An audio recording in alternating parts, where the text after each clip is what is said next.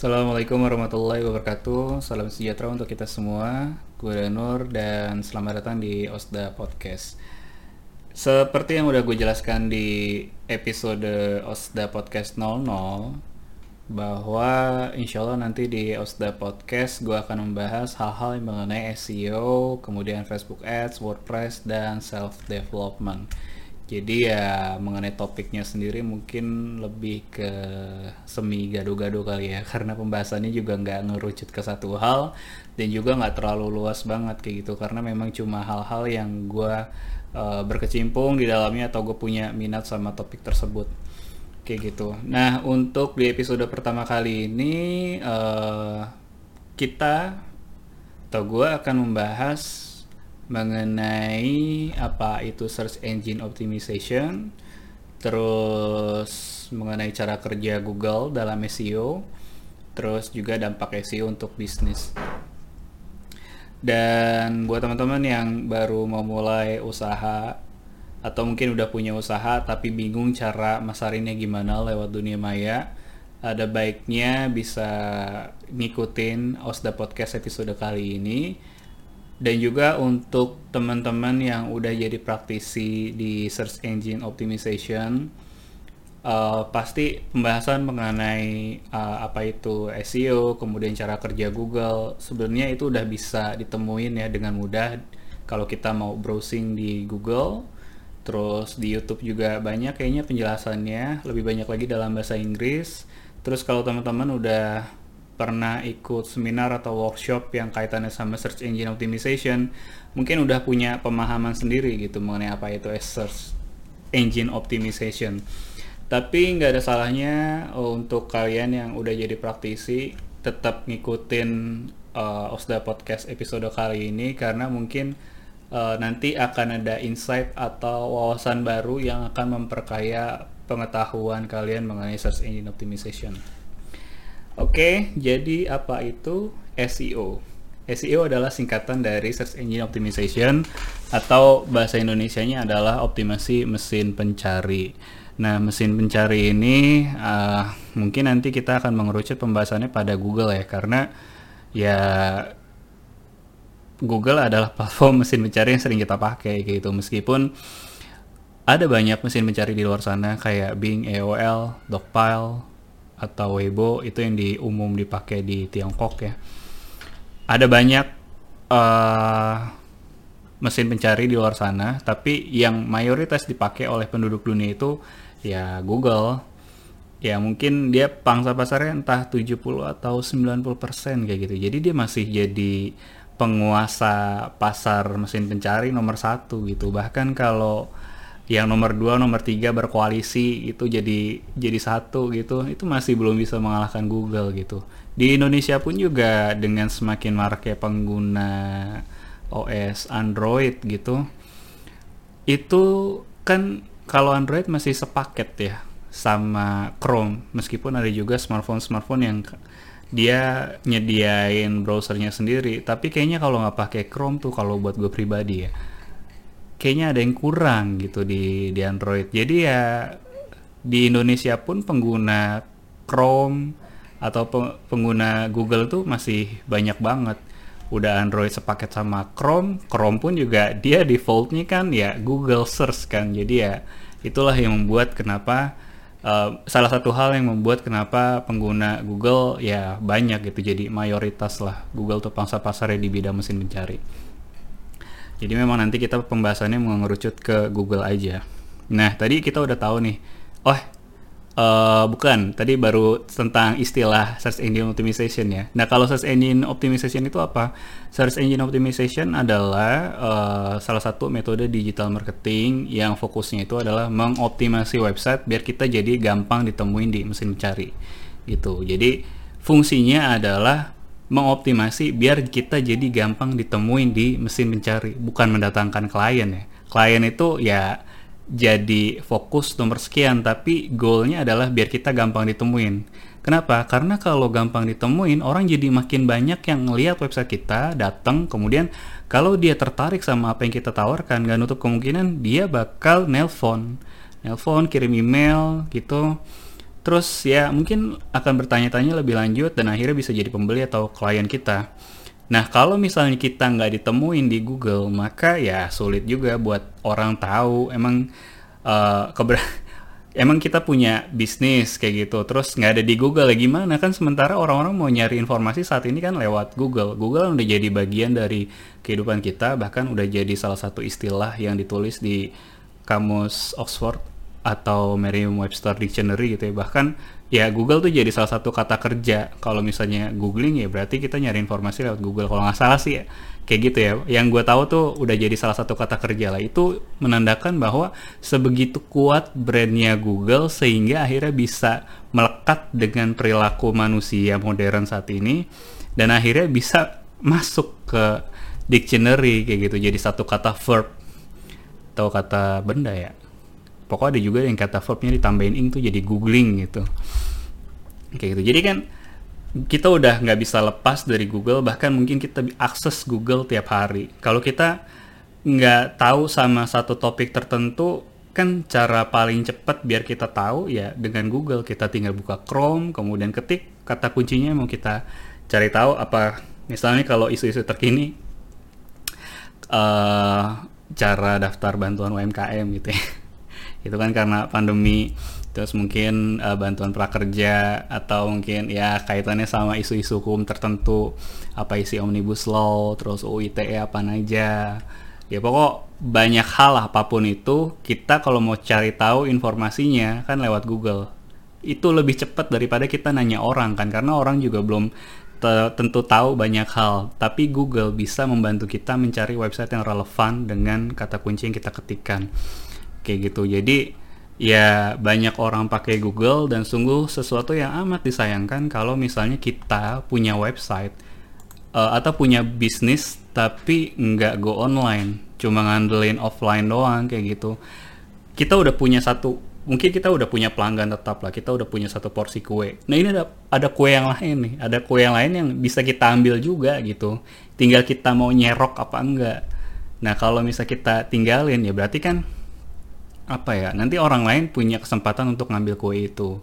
Dan nggak nutup kemungkinan kalau misalnya orang lain tahu brand kompetitor kita terus akhirnya dia suka sama brand kompetitor tersebut dia akan ngereferensiin orang lain dan akhirnya sampai ke pelanggan kita. Terus akhir pelanggan kita pindah kan itu jadi sesuatu hal yang sangat disayangkan. Jadi search engine optimization ini adalah satu salah satu metode digital marketing yang memang udah harus diterapkan dalam satu bagian terintegrasi ya dalam digital marketing jadi nggak bisa dipilih-pilih lagi. Kayak gitu. Nah itu mengenai apa itu search engine optimization. Goalnya jelas untuk mendatangkan traffic ke website kita. Harapannya ya bisa jadi pembeli nanti pengunjung bisa jadi pembeli atau uh, bisa jadi klien. Nah sekarang mungkin teman-teman ada yang bertanya gimana sih cara kerja Google gitu? Misalnya kita punya usaha konveksi tas. Kita domisilinya di Jakarta Timur. Nah orang-orang yang punya bisnis konveksi tas itu kan ada banyak ya nggak cuma kita doang. Kalau kita jalan ke mungkin daerah Senen ada ada banyak tuh orang-orang yang bisa ngerjain project tas gitu entah tote bag entah tas lempang atau apa mungkin ada banyak di sana kemudian mampir ke Pik ada lagi. Terus ya nanti adalah di bagian Jakarta yang main eh di bagian Jakarta yang lain tuh ada ada lagi gitu kan konveksi tas. Nah udah gitu mereka juga punya website. Katakanlah ada berapa ya misalnya ada seribu pengusaha konveksi tas kemudian 100 di antaranya punya website. Nah kalau misalnya ada orang nyari uh, konveksitas daerah uh, misalnya konveksitas Jakarta gitu. Nah berarti kan kita saingan dengan uh, pengusaha website yang udah pengusaha konveksitas yang punya website kayak gitu. Sementara lahan di Google itu terbatas. Kalau teman-teman perhatiin lahan di bukan lahan spot ya, spot di halaman pertama Google itu kan cuma 10 dan halaman pertama ini sangat strategis ya. Kenapa? Karena biasanya kita cuma nyari di halaman pertama. Kalau halaman pertama udah cukup menjawab pertanyaan kita di Google, maka kita udah jarang banget tuh nyentuh halaman kedua, halaman ketiga dan halaman seterusnya lah. Yang halaman 10 mungkin udah jarang banget tuh kita sentuh. Dan kita juga udah lupa kapan terakhir kali nyentuh uh, halaman 10 di Google. Dan menurut statistik juga kalau nggak salah itu bisa sampai 70 atau 80% dari uh, pengunjung pengunjung Google ya yang pakai kata kunci yang pakai kata kunci dia ngetik nyari di Google itu 80% cuma bertengger di halaman pertama dan dari 80% itu dan dari 80% itu uh, apa namanya 33% di antaranya itu dia mampir di posisi pertama Google. Jadi halaman pertama itu udah bagus, posisi pertama atau tiga besar pun juga itu lebih bagus lagi kayak gitu. Jadi uh, spotnya terbatas, kita harus berebutan sama yang lain. Nah, gimana cara kerja Google biar bisa ngurutin halaman-halaman website dan bisa memprioritaskan mana yang ada di halaman pertama, mana yang layak ada di halaman pertama. Nah, terus uh, jadi menurut gue kita bisa membayangkan Google ini sebagai sebuah perpustakaan yang mana di dalamnya ada pustakawan kayak gitu ya. Google ini menurut gue kerjanya tuh ada ada tiga ya tiga fase. Yang fase pertama itu adalah fase indexing. Indexing ini uh, kita bisa artikan sebagai registrasi atau uh, pendaftaran. Jadi kalau misalnya ada website baru muncul itu uh, akan didaftar sama Google. Google nih punya seorang eh bukan punya seorang ya punya robot lah. Punya robot orang-orang biasa nyebut crawler spider. Kita bahasainnya di sini robot robot ini dia jalan-jalan sepanjang waktu gitu ya untuk menemukan uh, apa namanya website-website baru uh, atau mengecek website-website lama apakah masih tayang atau enggak. Nah, khususnya untuk website-website baru, dia nih follow link ya. Follow link dari website-website yang udah ada, dia ikutin terus apakah mengarah ke satu website baru? Kalau misalkan iya ke website baru yang belum ada di data di database Google, maka dia akan meregistrasi ini website dan mendata ya ini website tentang apa? Apakah membahas selebritas tertentu? Apakah ngebahas isu sosial tertentu? Ngepromosiin uh, produk atau jasa tertentu? Kayak gitu. Nah dia analisa. Oh ini belum ada nih. Kemudian dianalisa judulnya apa kemudian subheadline-nya atau subtopiknya apa kemudian uh, ini kontennya uh, tentang apa sih? Kayak gitu. Nah terus itu di data kemudian nanti dimasukkan ke database Google. Nah, kalau kaitannya sama pustaka ah, sama perpustakaan, jadi kalau ada buku yang baru masuk ke perpustakaan sama pustakawannya itu di apa ya? Di data lah. Data judulnya apa, kemudian uh, penulisnya siapa, tahun terbitnya, tahun berapa, kemudian ini genrenya tentang apa kayak gitu. Nanti kan dari pemilihan genre ini nanti masuk ke mana nih lemari mana yang cocok untuk buku ini apakah uh, sosbud apakah religi ataukah fiksi non fiksi kayak gitu. Nanti jadi membantu pustakawan untuk meletakkan konten ini ada di rak yang mana. Nah setelah ya tahap yang pertama indexing atau uh, pendaftaran konten yang kedua adalah Google melakukan matching konten ya. Matching konten ini kayak pencocokan konten. Mencocokkan dengan apa? Mencocokkan dengan kata kunci yang dicari sama pengguna Google Misalnya ada orang mau nyari konveksi tas Jakarta Timur, maka sama Google berdasarkan data yang udah ada sebelumnya, dia cocokin lagi dengan waktu yang sepersekian detik ya. Kalau kita akses di desktop atau PC itu nanti suka kelihatan tuh hasilnya. Ini berapa second gitu kemudian dari berapa juta web yang udah dianalisa sama Google lah. Kemudian disodorkan. Nah juga penyodoran pun nggak semua website akhirnya langsung brek gitu kan, langsung satu lemari sama pustakawannya di brek-brekin gitu. Nih lo pilih dah yang mana. Enggak, jadi Google itu mempermudah dengan memilih 10 uh, 10 halaman website yang menurut uh, Google itu relevan dengan kata kunci yang dicari. Nah, memang akhirnya uh, relevan itu mungkin buat kita jadi satu hal yang relatif ya. Relevan dalam hal apa? Tapi Google dia punya penilaiannya sendiri. Kalau misalnya kita nyari konveksi Jakarta Timur, maka Google berdasarkan data sebelumnya dia nyari apakah ada website yang uh, di judulnya ada konveksi tas Jakarta Timur atau mungkin di subheadline-nya atau di URL-nya atau di kontennya. Nyebutin kata-kata itu kalau memang ada sama dia disodorin tuh semuanya dari 100 tadi ya. Kan kita contoh ini 100 pengusaha tas konveksi di Jakarta yang punya website. Kemudian dikerucutin lagi mana yang secara khusus menyebutkan konveksi uh, tas Jakarta Timur. Nanti kalau misalkan ada beberapa yang relevan, uh, apa namanya ya Google punya kriterianya sendiri lah mana nih yang layak di urutan pertama, urutan kedua, urutan ketiga dan seterusnya kayak gitu. Kemudian di, di apa namanya setel, selain dicocokkan berdasarkan prinsip relevansi, maka Google juga kan mengurutkannya berdasarkan prinsip keterpercayaan. Keterpercayaan di sini maksudnya adalah uh, Google akan mengukur gitu ya seberapa established sebuah website. Uh, kalau misalnya kita lagi nyari satu berita, pasti kan kita maunya nyari dari media-media yang udah brandnya udah kuat banget gitu.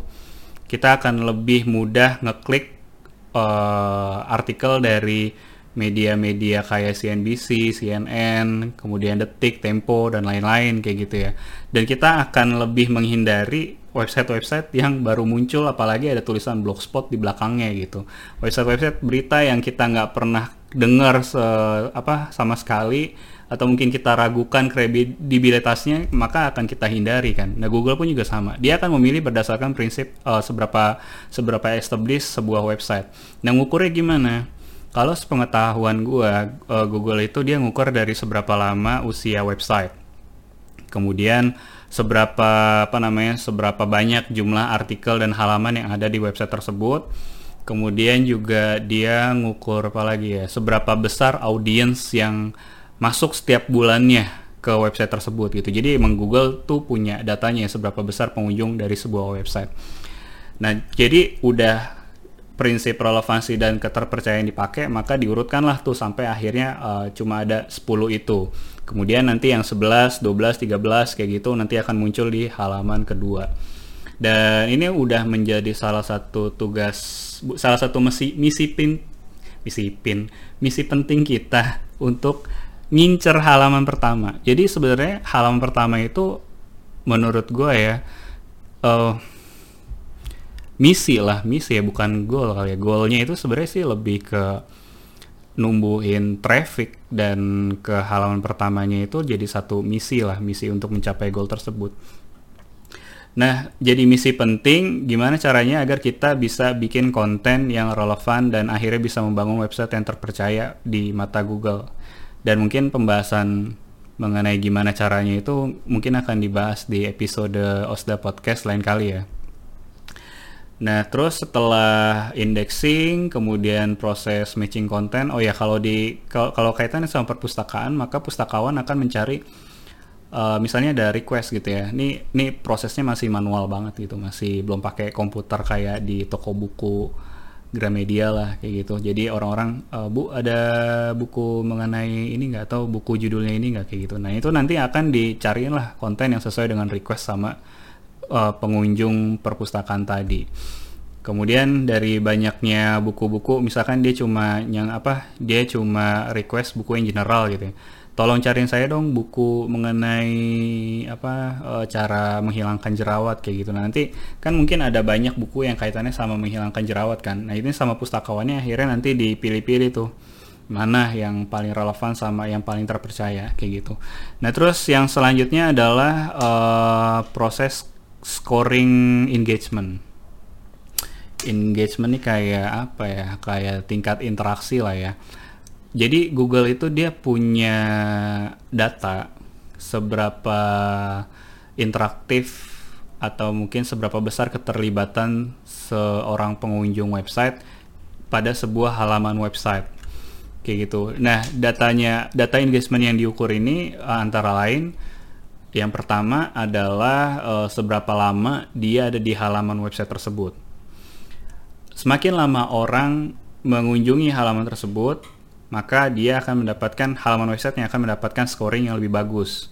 Misal uh, ada orang mengunjungi halaman tersebut kemudian menghabiskan waktu 4 sampai 5 menit gitu ya untuk mengkonsumsi sebuah artikel, maka itu akan lebih bagus daripada orang yang cuma 10 detik di halaman website kemudian langsung klik tombol back atau kembali kayak gitu. Nah terus juga yang diukur seberapa uh, interaktif apa ya, seberapa interaktif pengunjung website apakah dia ngeklik link yang ada di website tersebut atau dia langsung klik back itu juga ngaruh juga.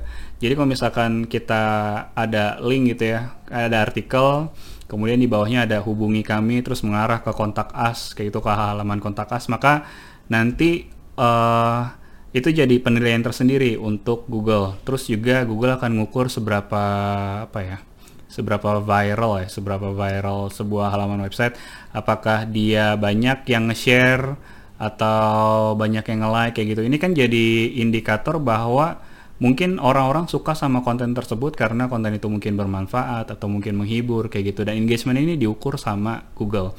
Jadi setelah disodorkan 10 ini, maka Google juga akan ngukur seberapa tinggi tingkat interaksi pengunjung jadi itu terus yang ada di 10 halaman apa 10 10 halaman website yang ada di halaman pertama Google itu akan terus dievaluasi sama Google. Kayak gitu. Mana yang paling laris lah uh, websitenya, mana yang sedikit engagementnya kayak gitu. Yang paling laris atau paling tinggi engagementnya sama Google akan terus dipasang di halaman pertama. Sementara yang nggak uh, laku lah websitenya itu akan diturunin, turunin, turunin terus kayak gitu.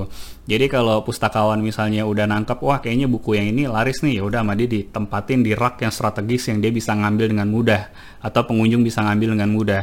Kalau misalnya ada buku yang udah dipasang di tempat strategis terus akhirnya jarang dipilih. Nama dia akhirnya kan diturunin tuh buku kemudian ditempatin di rak yang lain atau mungkin ditaruh gudang jadi nggak pernah disentuh lagi. Ya kurang lebih seperti itu. Jadi cara kerja Google ada pros di menurut gua ada tiga. Yang pertama ada indexing kemudian yang kedua ada apa lagi tadi? Ada uh, matching konten yang berdasarkan prinsip relevansi sama keterpercayaan. Kemudian yang ketiga itu adalah proses scoring engagement. Nah sekarang kita udah tahu nih cara kerjanya. Untuk nanti optimasi kontennya insya Allah akan dibahas lain waktu. Dan mungkin gue uh, akan sharing sedikit mengenai success story dari beberapa klien yang gue handle ya. Jadi sebenarnya uh, sepengalaman gue dalam ber-SEO dari tahun 2015 sebenarnya nanti insya Allah akan gue share kuncinya di episode yang lain. Kunci ber-SEO dan ada satu website yang gue handle. Dia udah punya website sebelumnya tapi kena hack jadi emang benar-benar harus desain dari ulang dan website lamanya ini uh, miskin konten ya jadi uh, artikel blognya tuh dikit banget kayak gitu dan kayaknya sih uh, kalaupun ada traffic juga trafficnya mungkin di bawah 1000 session sebulan kayak gitu jadi ya gue desain ulang, gue rombak ulang, ngebersihin websitenya dari beberapa malware lah. Dan gue sempet nyaranin nih pak, pakai ini aja gitu. Gue share kunci Bresio gue yang akhirnya apa namanya sukses di tempat lain. Gue share ke mereka, kemudian mereka melakukan itu. Dan cat sebagai catatan ya, gue di sini cuma nge-device strategi doang dan ketika penerapannya di tim mereka, tim mereka itu juga sebenarnya nggak ada yang ngerti SEO. Tapi karena mereka melakukan ini, jadi mereka uh, punya uh, apa namanya achievement sendiri. Jadi selama setahun itu mereka dari yang nol atau mungkin di bawah 1000 traffic atau 1000 session sebulan lah ya. Setelah dilakuin uh, strategi SEO ini selama setahun, itu trafficnya langsung naik ke 40k session sebulan itu atau mungkin 40 pengunjung lah sebulan. Ini kan angka yang besar banget gitu dari yang akhirnya bukan siapa-siapa jadi punya 40k session sebulan tuh luar biasa. Dan ini mereka datang tanpa beriklan. Sampai sekarang pun websitenya masih belum apa ya, belum beriklan lah. Masih cuma ngandelin yang organik doang dari dari apa namanya dari Google dan mereka benar-benar kejar artikelnya sampai akhirnya setahun tuh bisa sampai 160 artikel uh, setahun nih itu luar biasa banget dan sebenarnya dampak punya traffic yang puluhan k sebulan tuh dampaknya apa sih buat bisnis kalau mereka sih yang tadi ya yang 40 k sebulan ini belum ada apa ya belum belum nge-share lah mereka soal mungkin pertumbuhan revenue-nya atau mungkin leads-nya atau jumlah kliennya meningkat atau enggak kayak gitu. Tapi ada uh, law firm lain, ada klien gue yang lain yang gue handle dan itu waktu di titik 40k atau 50k gue lupa session sebulan ya. Uh, terus dipasangin fitur live chat di websitenya dia itu customer service-nya itu bilang ke gue bahwa uh, leads-nya itu 400 sebulan gitu dan itu tanpa ngiklan. Dari traffic tadi ya 40k sampai 50k sebulan. Dan itu kan luar biasa ya. Jadi 40k itu datang kemudian pakai fitur live chat buat nanya uh, soal kebutuhan dia kayak gitu. Jadi sebagai catatan klien gue ini dia law firm kemudian dia uh, pengunjungnya itu nanya soal kasus uh, kasusnya mereka kayak gitu dan konsultasi. Dan ini kan jadi branding tersendiri kan. Kalau misalnya ada orang butuh kasus kemudian dia bisa bicara dengan profesional kemudian bisa mendapatkan solusi sesuai dengan yang mereka inginkan kan akhirnya jadi jadi punya tempat tersendiri gitu dalam pikiran mereka, dalam emosi mereka, sehingga akhirnya nggak nutup kemungkinan mereka akan datang lagi suatu saat nanti, atau mungkin mereka ngajak teman-temannya atau mereferensikan temennya lah. Eh lu mampir aja ke website ini nanti kalau lu punya masalah di situ dijawab sama profesionalnya langsung kayak gitu. Jadi itu dampaknya 400 lead sebulan uh, tanpa beriklan. Nah masalah revenue atau uh, apa namanya ya omset atau uh, net profitnya nambah atau enggak ya itu enggak enggak di share ke gue karena emang ya itu jadi dapur perusahaan lah. Tapi intinya yang untuk data-data yang yang masih dalam tanggung jawab gue kayak leads itu yaitu tadi penumbuhan jumlah leadsnya sampai 400. Memang akhirnya 400 ini jadi apa ya variatif ya kualitas leadsnya. Ada yang mungkin best terus ada yang bad juga kayak itu yang cuma nanya-nanya habis itu langsung pergi lagi. Tapi kan akhirnya jadi ada branding tersendiri kan branding gratis untuk si uh, law firm ini kayak gitu. Ya jadi kalau teman-teman mau punya success story yang sama maka mau nggak mau ya mesti ber SEO dan SEO ini sebenarnya nggak bisa diterapin dalam waktu yang singkat macam cuma sehari apalagi beberapa jam ya. Misal kayak gue mau SEO paginya nanti siangnya udah udah harus ada klien ya itu nggak bisa kayak gitu. Jadi SEO itu memang dia butuh kesabaran konsistensi juga uh, paling nggak kita mesti konsisten dalam waktu setahun lah untuk bisa ngelihat hasilnya itu secara signifikan. Gue bilang konsisten setahun ya bukan butuh waktu setahun tapi memang harus konsisten setahun. Kayak gitu. Jadi usahanya terus menerus gitu nggak nggak pernah putus selama satu tahun. Jadi cukup itu aja. Sungguh keberuntungan yang luar biasa buat website-website yang udah dapat banyak traffic dari Google karena itu merupakan promosi yang gratis ya secara biaya meskipun secara waktu dan tenaga juga ada cost yang keluar ke sana tapi paling nggak kita bisa hemat berjuta-juta rupiah untuk tidak beriklan dan dapat traffic gratis dari Google gitu. Jadi sungguh beruntung untuk mereka yang mereka dapat traffic banyak dari Google dan sungguh sangat uh, apa ya rugi lah website-website atau pengusaha yang tidak menggunakan Google sebagai channel bisnisnya mereka. Oke, cukup itu aja uh, untuk podcast kali ini. Sebagai pemberitahuan untuk kalian podcast ini insya Allah akan tayang di channel YouTube gua. Kemudian ada di channel Spotify juga dan beberapa channel podcast yang lain. Kalau kalian punya pertanyaan nggak jelas, langsung aja tanya ke komen, langsung aja kirim komentar ke channel YouTube gue. Kurang lebihnya mohon maaf. Semoga kita ketemu di episode podcast berikutnya. Gue Danur, mau undur diri. Assalamualaikum warahmatullahi wabarakatuh.